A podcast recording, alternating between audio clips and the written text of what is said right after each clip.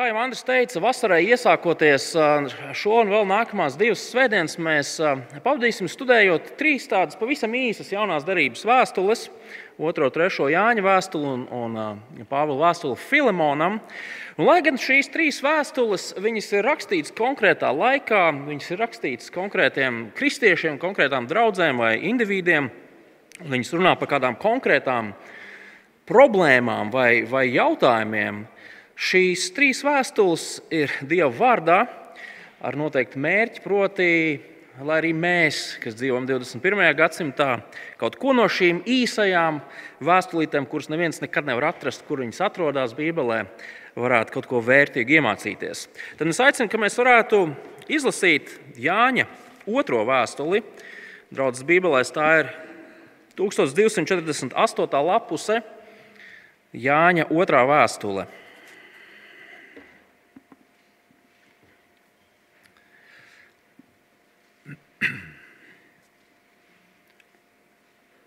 Jānis raksta,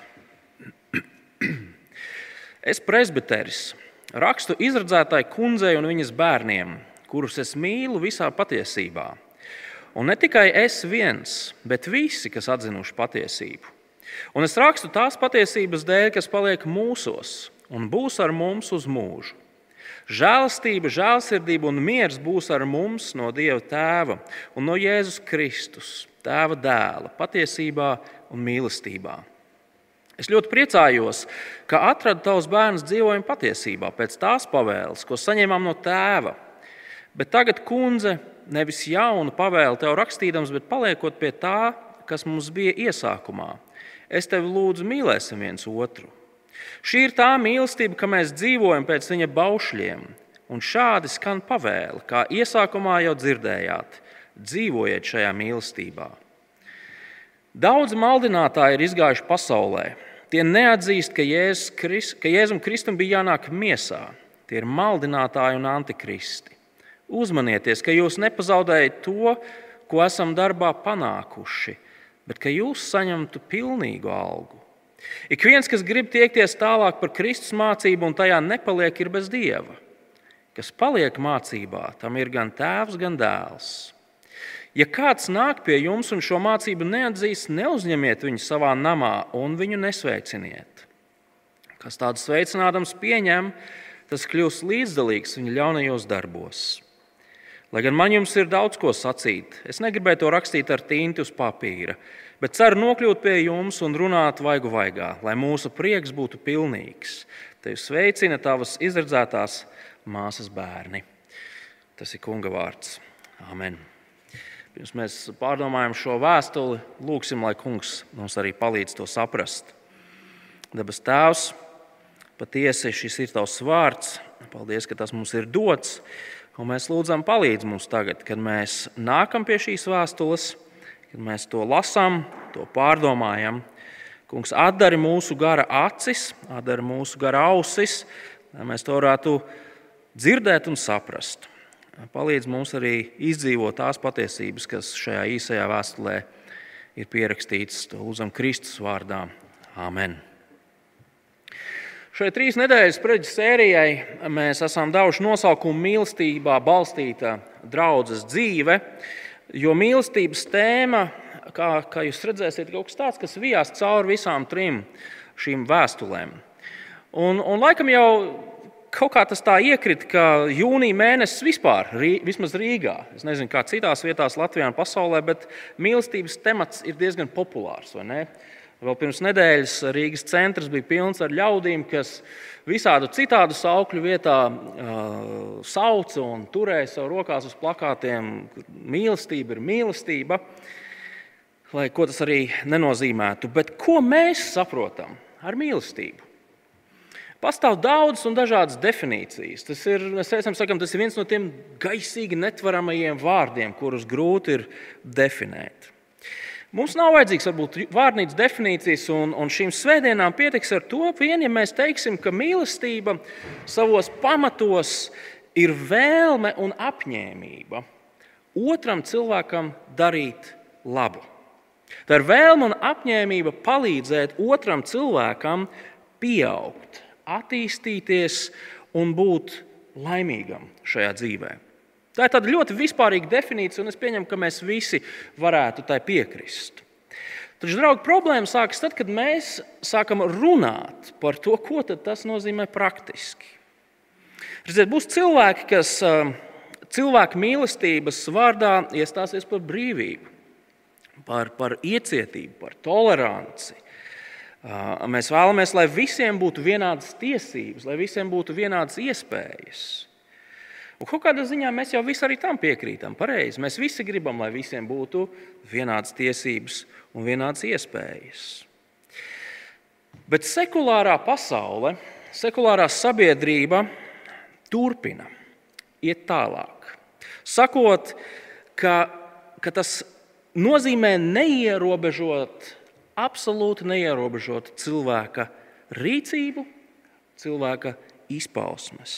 Tas, protams, pie nosacījuma, ka mūsu rīcība neapdraud citu cilvēku dzīvību un labklājību. Mīlēt no, nozīmē visus viedokļus atzīt par vienlīdz patiesiem.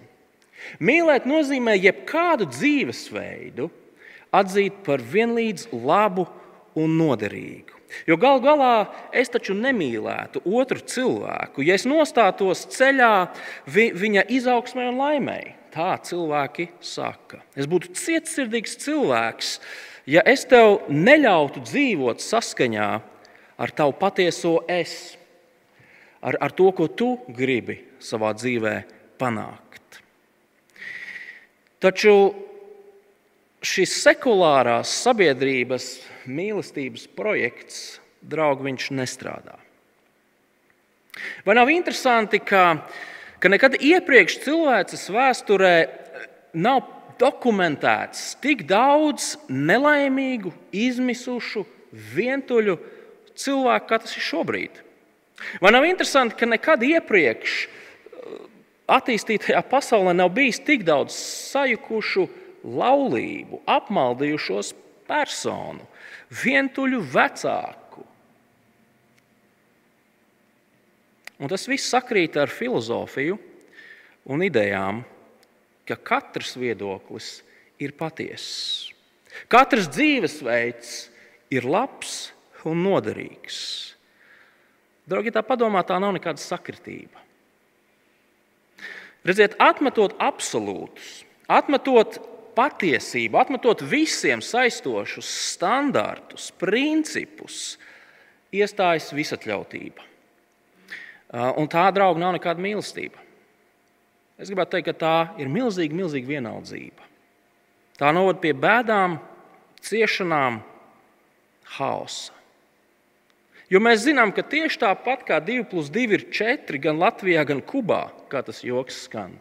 Tieši tāpat šajā dieva radītajā pasaulē ir noteikti principi un vērtības, kuras atmetot, viss jūg un brūk.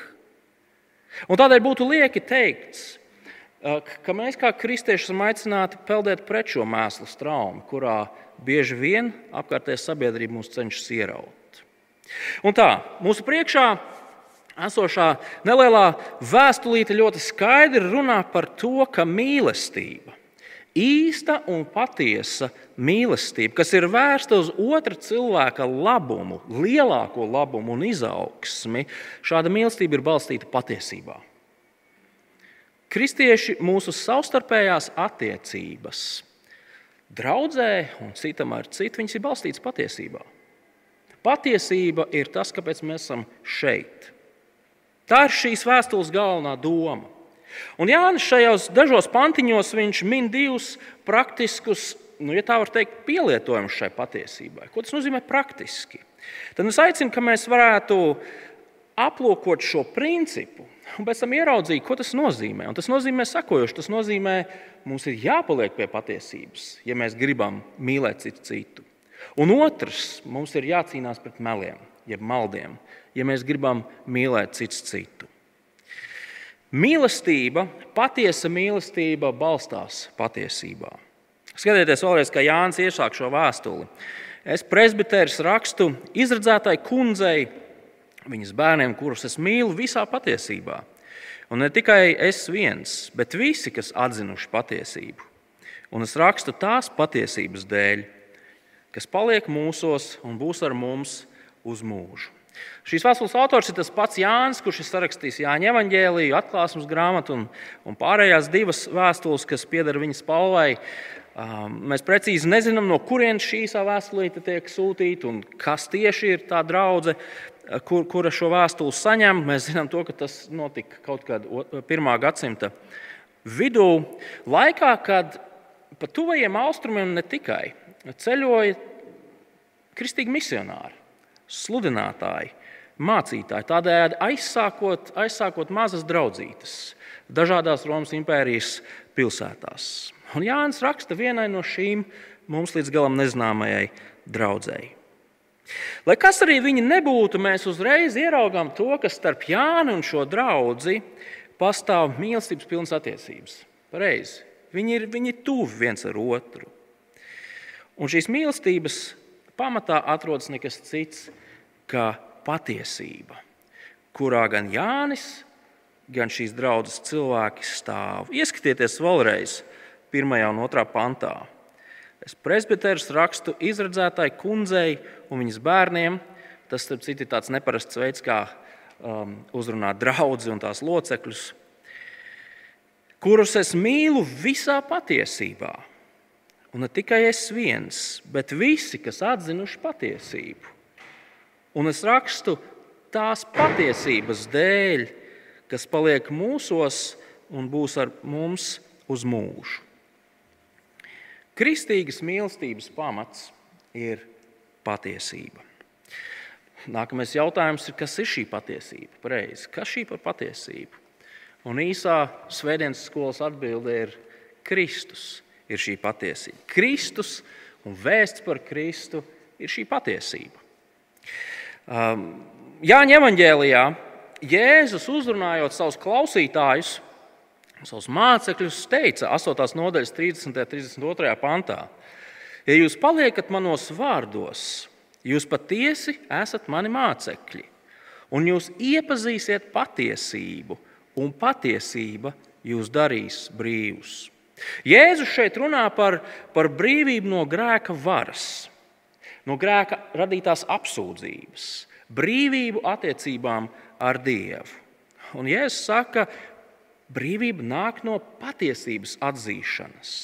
Bet šī patiesība jau nav kaut kāda informācija, ko mēs vienkārši varam kaut kādā encyklopēdijā izlasīt. Nē, patiesība saskaņā ar Jānu Eņģēliju ir persona.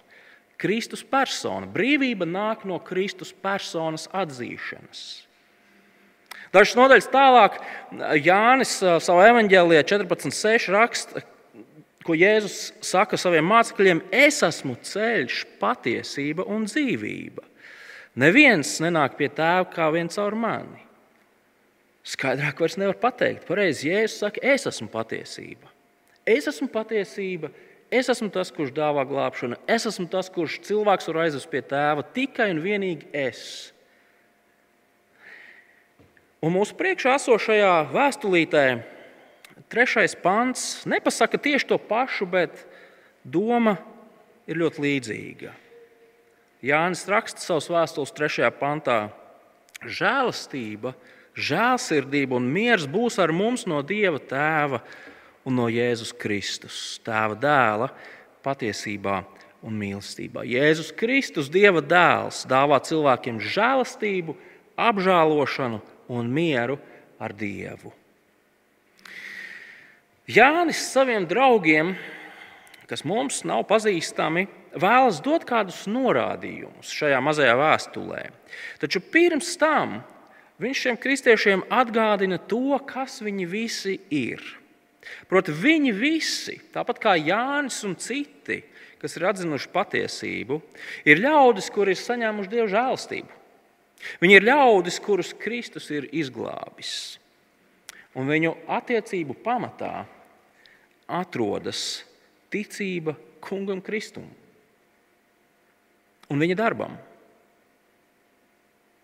Draugi, tam, ka mēs nākam, piemēram, svētdienās šeit kopā, tam var būt daudz un dažādi iemesli. Kādam, kādam patīk vienkārši sanākt kopā, jo tā ir iespēja satikt citus kristiešus, iespējams, pa nedēļu nesanāk, normāli pat sazvanīties. Kādam citam patīk padziedāt uh, zolīdas dziesmas, kas, kas apliecina evaņģēli vēstu. Varbūt kādam pat patīk uh, tas intelektuālais izaicinājums, ko met Dieva vārdu pārdomas, uh, kāds cits. Es skatos vairāk uz to pusi, varbūt ir šeit tādēļ, ka tēvs un māma teica, ka ir jānāk. Tā jau varbūt nenāktu. Bet, lai kā arī nebūtu, pašos pamatos, pašos pamatos mēs esam šeit, tāpēc ka mēs esam Kristus ļaudis. Viņš mūs ir izglābis. Viņš mūs ir savedis kopā. Viņš pats garā ir klātesošs.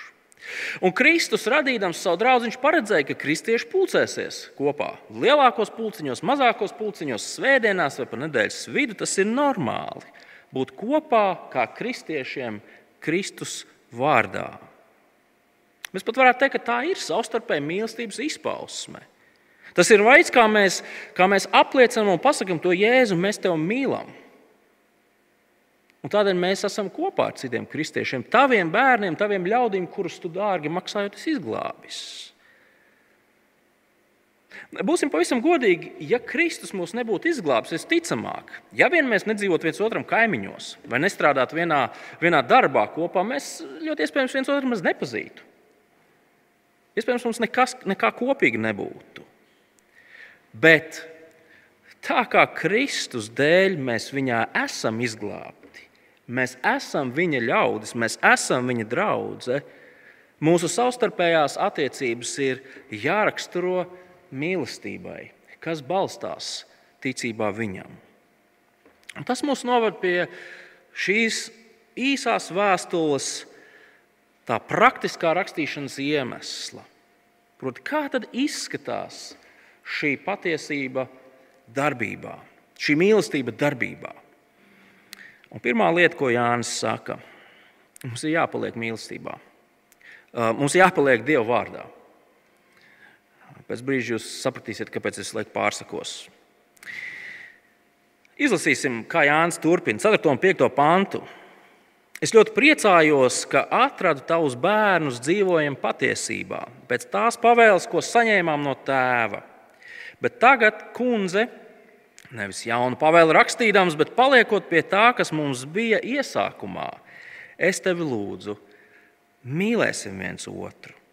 Jānis ir bezgalīgi priecīgs, redzot to, ka šī mazā draudzīte, ka viņi ir satvēruši patiesību. Šie cilvēki tic Kristum, viņi turās pie savas, savas ticības, viņi dzīvo saskaņā ar, ar Jēzus vārdu. Un tad 5. panta beigās Jānis atklāja iemeslu, kādēļ viņš raksta šo vēstuli. Saka, es tevi lūdzu, mīlēsim cits citu. Es tevi lūdzu, turpināsim, turpināsim mīlēt cits citu. Jānis grib, lai kristieši turpinātu viens otru mīlēt. Un kā šī savstarpējā mīlestība izskatīsies, skatieties, 6. pantā. Šī ir tā mīlestība, ka mēs dzīvojam pēc viņa baušļiem. Un šādi skan pavēle kā iesākumā jau dzirdējāt, dzīvojiet šajā mīlestībā. Tātad no sacītā izriet, ka, ka mīlēt savu brāli un māsu, kā kristietim, nozīmē dzīvot pēc viņa baušļiem. Kas ir šie baušļi? Jānis saka, ka šī, šī pavēle, jeb šis balsis, ir kaut kas tāds, ko jūs dzirdējāt iesākumā. Kas tas par iesākumu? Runa ir par pavēli, ko Jēzus deva saviem mācekļiem, kad viņš vēl bija kopā ar viņiem uz šīs zemes, un ko Jānis savā evanģēlī ir pierakstījis. Klausieties, 13. nodaļas 34. pāns Jāņa evanģēlijā. Ja es saku, es jums dodu jaunu bausli, mīliet cits citu, kā es jūs esmu mīlējis, tā arī jūs mīliet cits citu. To pašu Jēzus atkārto evanģēlī 15. nodaļas 12. pantā. Mans balss ir mīlēt cits citu tāpat kā es jūs esmu mīlējis. Vai 15. nodaļas 17. pantā es jums pavēlu mīlēt cits citu. Kristietis ir aicināts dzīvot patiesībā. Un dzīve patiesībā nozīmē dzīve saskaņā ar Jēzus pavēli. Un Jēzus pavēle ir mīliet cits citu, kā Kristus jūs ir mīlējis. Tad mums ir jādzīvo mīlestībā. Jūs redzat, izveidojas tāds neliels aplis. Mums jādzīvo patiesībā, kā tas izskatās, ja mēs mīlam citu citu. Un, ja mēs mīlam citu citu, mēs dzīvojam patiesībā. Divas savstarpēji nesaraujamas lietas - patiesība un mīlestība iet roku rokā. Tā ir kā kā, kā monēta. Monētām ir divas puses, avers un revers. Pareizi, ja viena no šīm pusēm nav, tad tas ir viltojums. Es nezinu, vai jums kādreiz ir bijusi jūsu rokās viltot monēta. Man vienreiz bija, un es biju pilnīgs muļķis, ka es viņu uzskatīju par īstu monētu. Tur nebija viena no šīm pusēm. Patiesība un mīlestība ir kā pipari un sāls, kā šīs divas nesaraujamās garšvielas. Patiesība un mīlestība kā Latvijas hokejs. Mēs to droši tagad varam teikt uz visiem laikiem. Patiesība un mīlestība ir nesaraujams kā sestdienas rīts un kafija. Patiesība un mīlestība ir kā jūs varat turpināt ilustrācijas pēc savas sirds patikas. Dzīve patiesībā nav nodalāma no mīlestības, un dzīve mīlestībā nav nodalāma no patiesības. Ir tas, ko Jānis šajā vēstulē pasaka. Un šī citam, cita mīlēšana patiesībā ir sekošana pašam Kristum. Kristus piemēram. Ja es teicu, mīliet tā, kā es jūs esmu mīlējis Jāņa Evangelijā. Un kā Kristus mūs ir mīlējis? Draugi, Kristus mūs ir mīlējis pats, atdodams savu dzīvību par mums, grēcīgiem, nepārāk patīkamiem ļautiņiem. Viņš deva savu dzīvību, kad mēs vēl bijām grēcinieki. Kristus mūs mīlēja par mums nomirstot. Kristus mūs mīlēja samaksājot to grēka parādu, kas mums katram bija sakrāts pret Dievu. Kristus mūs mīlēja tādējādi radot mieru starp mums un mūsu debesu tēvu. Ko tas nozīmē mums? Ja citiem vārdiem sakot, kā tad izskatās tas, ka mēs, kristieši, šeit šodien, un ne tikai šodien, viens otru mīlam patiesībā, tā kā Kristus mūs ir mīlējis? Parasti mēs runājam par to, ka nu, rūpēties par citu vajadzībām, tā jau ir tā praktiskā mīlestība. Mīlestība ir praktiska, pareizi. Um, kādam ir trūkums, kādam nav ēdienas, kādam ir milzīgi gāzes rēķini, viņš ir pazaudējis darbu, uh, kādam varbūt tas tur vēl kaut kas ir noticis, un mēs šos cilvēkus mīlam praktiski viņiem palīdzot. Un, draugi, tā jau ir daļa no mīlestības. Pareizi šī praktiskā vēlme palīdzēt, pašaizliedzīgi dodot no sava, lai otram būtu. Un mums tas ir jādara pašaizliedzīgi un ar prieku. Taču šoreiz es gribu teikt, ka mēs esam aicināti iet arī vēl citā virzienā. Iespējams, starp šeit klātesošajiem nu, visi rēķini ir samaksāti. Leduskapis, ja nav pilns, tad vismaz ir pustukšs vai puspilns. Un visādi citādi mēs jau tā kā peldam virs ūdens. Pareizi. Viss kā, nu, ir kārtībā. Varēja būt labāk, bet ir labi, un mums nav vajadzīga citu palīdzība. Redziet, mīlestība jau neaprobežojas tikai ar tādu praktisku palīdzību. Mēs redzējām, ka mīlestība saistās ar patiesību. Mīlēt citam citu, sekojot Kristus piemēram, nozīmē gādāt par to, lai mana brāļa un māsas dzīvē būtu patiesība. Ne tikai maize uz galda, bet patiesība. Lai viņa attiecības ar Dievu turpinātu plaukt, augt, nobriest. Mīļie vecāki, jūs mīlot savus bērnus, jūs rūpēties ne tikai par viņu tīrajām biksēm un, un ēdienu, bet jūs rūpēties par to, lai viņi zinātu patiesību. Pareizi. Nu, sakiet, ka tā nav. Vai draugi, jūs saviem draugiem palīdzat ne tikai malku saskaldīt, Bet jūsu mīlestība izpaužās tajā, ka jūs, jūs rūpēties par to, lai viņi turētos pie patiesības. Taču ir nežēlīgi zināt patiesību, bet savam draugam ļaut dzīvot kā muļķim, kurš nezina patiesību.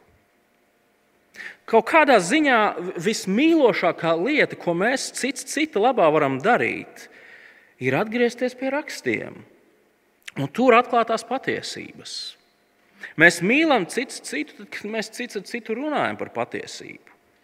Mēs paņemam patiesības vārdus un, un mēs tos izmantojam, lai cits citu iedrošinātu, lai cits citu iepriecinātu, lai cits citu izaicinātu, lai cits citu reizēm sarātu un cits citam aizrādītu.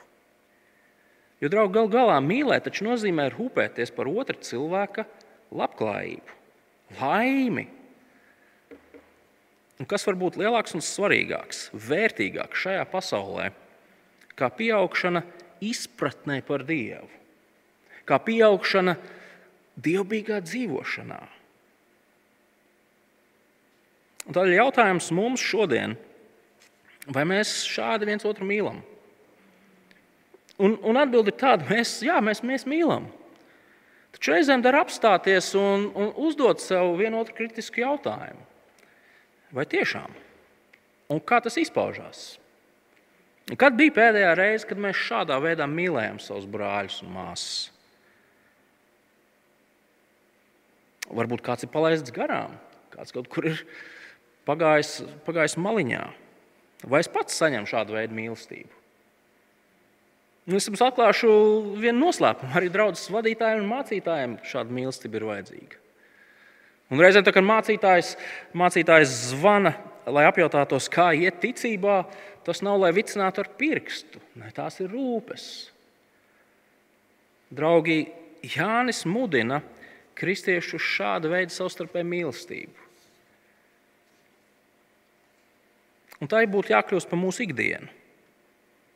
Es gribētu šajā vasarā mums visiem, man, jūs, ja jūs man pazīstat, es ik pa laikam kaut kādus izaicinājumus metu. Padarīsim šo vasaru par mīlestības vasaru. Izklausās banāli, bet, bet darīsim to, draugi. Vasaras laikā Bībeles studijas apstājās, mums ir atvaļinājumi, mēs, mēs reizēm arī svētdienās netiekam, jo esam aizkavējušies laukos zāli, pļaujot un govis barojot un visas pārējās lietas. Um, Un, un ir tik viegli patiesībā nesatikt brāļus un māsas vasarā. Ir tik viegli nedomāt par draugu, nedomāt par šīm lietām. Tādēļ es metu izaicinājumu darīt tieši pretējo. Mērķiecīgi domāsim par to, kā mēs varam citu, citu mīlēt, ar patiesību, palīdzēt citam pieaugt, ticībā, paklausībā. Nospraudīsim svētdienas, mēs neesam legālisti, pareizi, bet nospraudīsim svētdienas par nedēļas prioritāti. Tad, kad mēs neesam izbraukuši uz dziļajiem laukiem. Cits citam dosim no Dieva vārda patiesības un būsim gatavi saņemt no Dieva vārda patiesības. Un tam jau nav jābūt nekam sarežģītam. Vienkārši saskriešanās uz kafiju vai uz sulu, vienkārši zvans, vienkārši īziņa. Un mums jau nav nedēļas laikā jāapzina visi draudzes locekļi. Katru nedēļu vienu vai divus kristiešus. Tas mums visiem ir nepieciešams. Un tas mums ir nepieciešams daudz dažādu iemeslu dēļ. Bet viens no iemesliem, kādēļ Jānis raksta par šo lietu, ir tāds, ka mēs nedzīvojam vakumā. Mēs nedzīvojam vakumā. Draugi, patiesībā ir daudz konkurenti.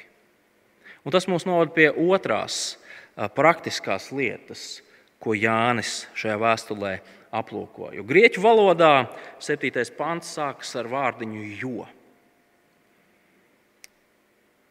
Ja reiz mīlestība balstās patiesībā, tad mūsu uzdevums ir ne tikai to patiesību iedzīvināt vienam otru dzīvē, bet atmest un noraidīt visu to, kas nav patiesība, visus maldus un melus. Izlasīsim no 7. līdz 11. pantam. Jānis raksta, jo daudzi maldinātāji ir izgājuši pasaulē. Tie neatzīst, ka Jēzum Kristum bija jānāk miesā.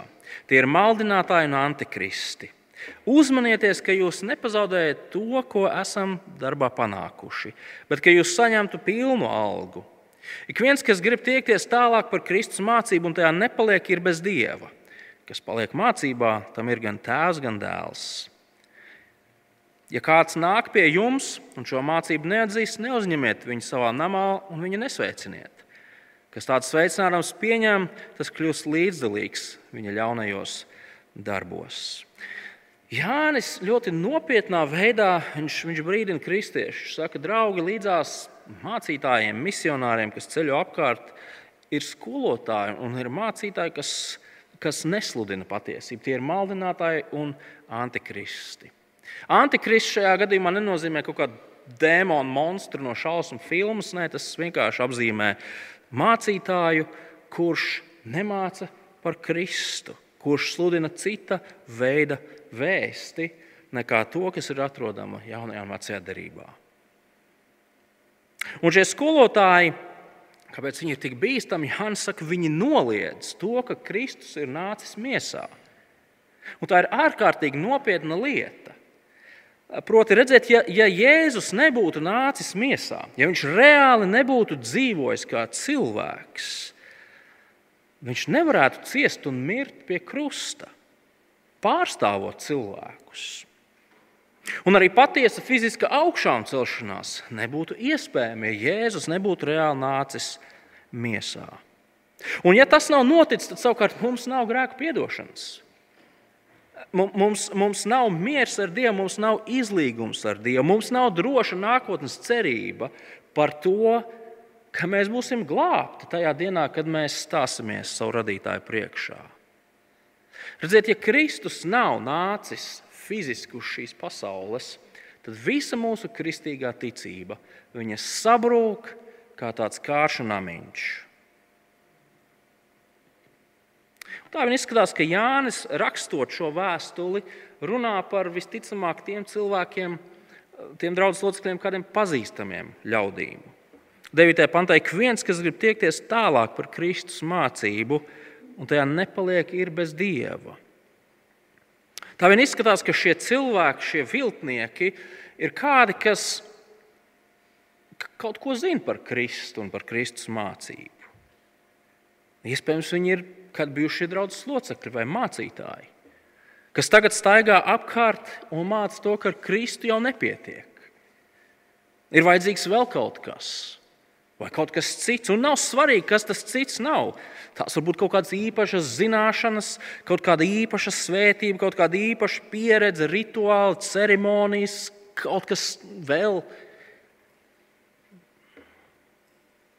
Latvijas kontekstā mēs pie šādiem cilvēkiem varētu pieskaitīt vienu otru bijušo Lutāņu mācītāju, kas publiski savā grāmatās, lekcijās māca pilnīgi citu mācību. Vai daudziem latviešiem mīļo autoru Richardu Roru, kurš savā grāmatās nemāca par Kristu. Reizēm šo, šo cilvēku aizstāvi saka, ka šie mācītāji ir aizgājuši daudz dziļāk, viņi satvēruši daudz vairāk draugu. Viņi ir aizgājuši dziļāk sviestā. Es atvainojos, viņi ir aizgājuši prom no patiesības. Un viņi ved līdzi cilvēkus, kuriem patiesība nerūp. Draugi, es, tas, tas ir ārkārtīgi nopietns brīdinājums. Bet tam ir jābūt ārkārtīgi nopietnam. Tas ir dzīvības un nāves jautājums, ko Jānis teica. Tas, kurš neturas pie Dieva patiesības, pie apstuļu liecības par miesā nākušo Kristu, šim cilvēkam nav Dieva.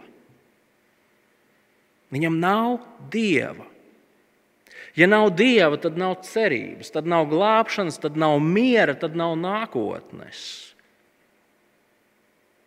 Šajos jautājumos, piedodiet, bet nav vieg, vietas pieklājīgam politkorektumam, kaut kādiem siltiem, stīviem smaidiem, um, tolerancei, līdzās pastāvēšanai. Klausieties, ko Jānis saka 10. un 11. pantā.